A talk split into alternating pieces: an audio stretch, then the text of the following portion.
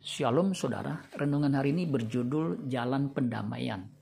1 Yohanes 2 ayat 1 dan 2. Anak-anakku, hal-hal ini kutuliskan kepada kamu supaya kamu jangan berbuat dosa.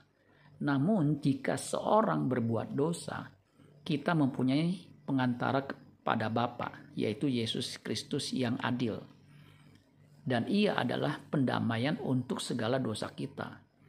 Dan bukan untuk dosa kita saja, tetapi juga untuk dosa seluruh dunia. Orang Kristen masih bisa berbuat dosa karena di dalam dirinya ada kodrat dosa yang punya kecenderungan untuk menuruti keinginan dan kesenangannya, kesenangan dirinya. Kita bersyukur bahwa bagi kita yang percaya kepada Tuhan Yesus atau yang hidup di dalam Kristus, kita punya seorang pengantara kepada Bapa, Yesus adalah pendamaian untuk segala dosa kita. Pendamaian di sini bukan saja menghapus atau mengangkat dosa kita yang menjalar sejak Adam jatuh dalam dosa, tetapi juga dosa yang kita lakukan. Kata pendamaian di sini dari kata Yunani hilasmos. Kata hilasmos punya beberapa pengertian. An appeasing, menenangkan atau meredakan atau memenuhi, menentramkan propitiating, mendamaikan. The means of appeasing, alat atau cara menenangkan. Aton, atonement, penebusan. Concretely an expiator, secara konkret sebagai penebusan dosa. Jadi, Tuhan Yesus menebus dosa kita.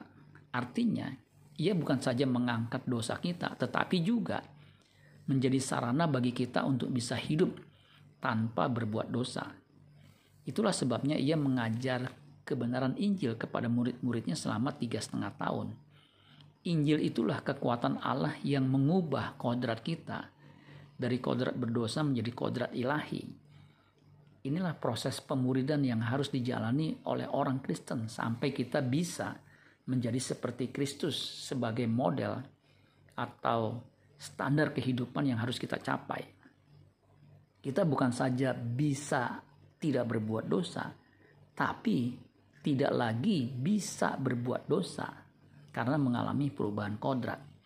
1 Yohanes 3 ayat 9 Setiap orang yang lahir dari Allah tidak berbuat dosa lagi sebab benih ilahi tetap ada di dalam dia dan ia tidak dapat berbuat dosa karena ia lahir dari Allah. Amin buat firman Tuhan. Tuhan Yesus memberkati. Sola Gracia.